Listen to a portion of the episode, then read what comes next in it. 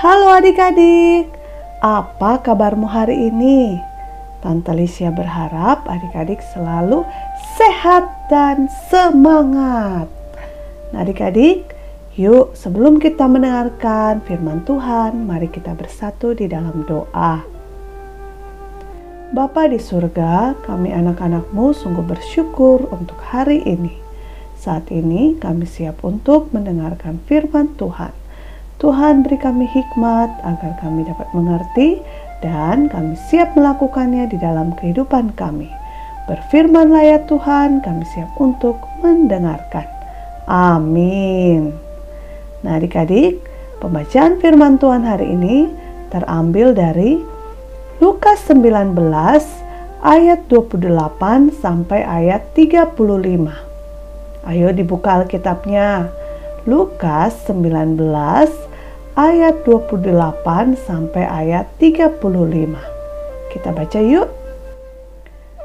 Dan setelah mengatakan semuanya itu, Yesus mendahului mereka dan meneruskan perjalanannya ke Yerusalem.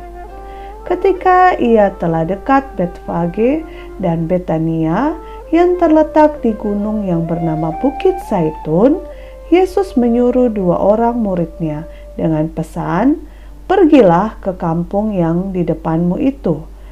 Pada waktu kamu masuk di situ, kamu akan mendapati seekor keledai muda tertambat yang belum pernah ditunggangi orang. Lepaskanlah keledai itu dan bawalah kemari. Dan jika ada orang bertanya kepadamu, "Mengapa kamu melepaskannya?" jawab, jawablah begini: "Tuhan memerlukannya." Lalu pergilah mereka yang disuruh itu, dan mereka mendapati segala sesuatu seperti yang telah dikatakan Yesus. Ketika mereka melepaskan keledai itu, berkatalah orang yang empunya keledai itu, "Mengapa kamu melepaskan keledai itu?" Kata mereka, "Tuhan memerlukannya." Mereka membawa keledai itu kepada Yesus, lalu mengalasinya dengan pakaian mereka dan menolong Yesus naik ke atasnya. Demikianlah pembacaan firman Tuhan.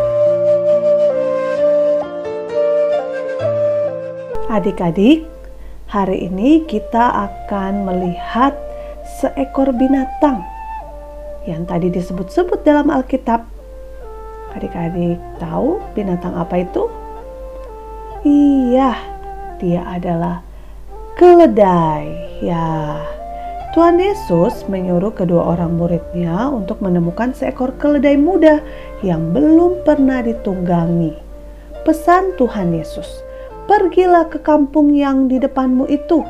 Pada waktu kamu masuk, kamu akan menemukan seekor keledai muda tertambat yang belum pernah ditunggangi.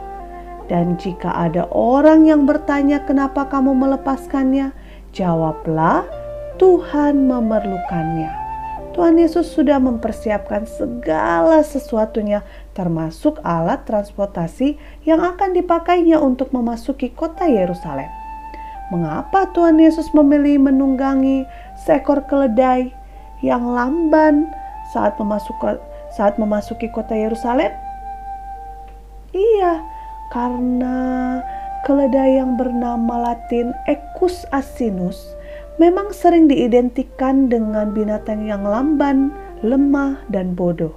Apalagi bila dibandingkan dengan penampilan yang gagah kuat dan punya kecepatan tinggi seperti kuda yang dalam bahasa latinnya Equus cabalus.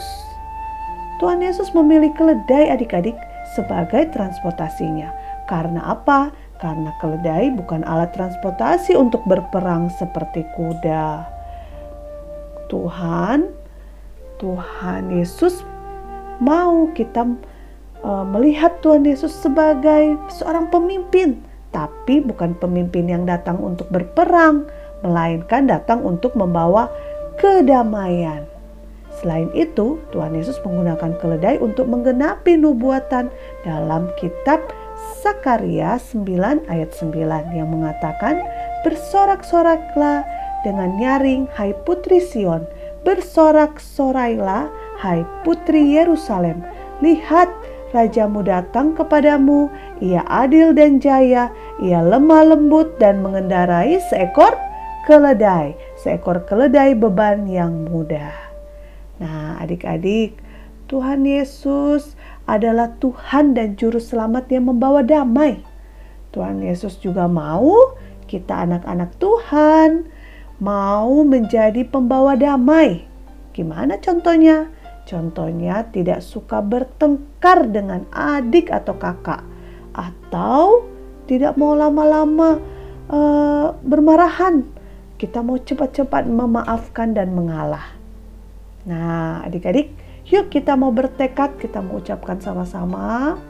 Aku mau menjadi anak pembawa damai. Sekali lagi yuk. Aku mau menjadi anak pembawa damai. Mari kita bersatu di dalam doa. Bapa di surga, kami sungguh bersyukur untuk firman Tuhan yang kami dengarkan hari ini. Kami mau seperti Tuhan Yesus yang mencintai kedamaian, yang memberikan kedamaian bagi siapa pun di sekitar Tuhan. Kami juga mau menjadi anak yang membawa damai.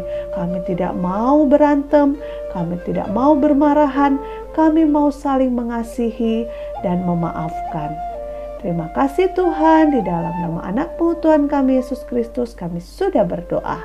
Amin. Nah adik-adik sekian renungan hari ini sampai jumpa besok ya.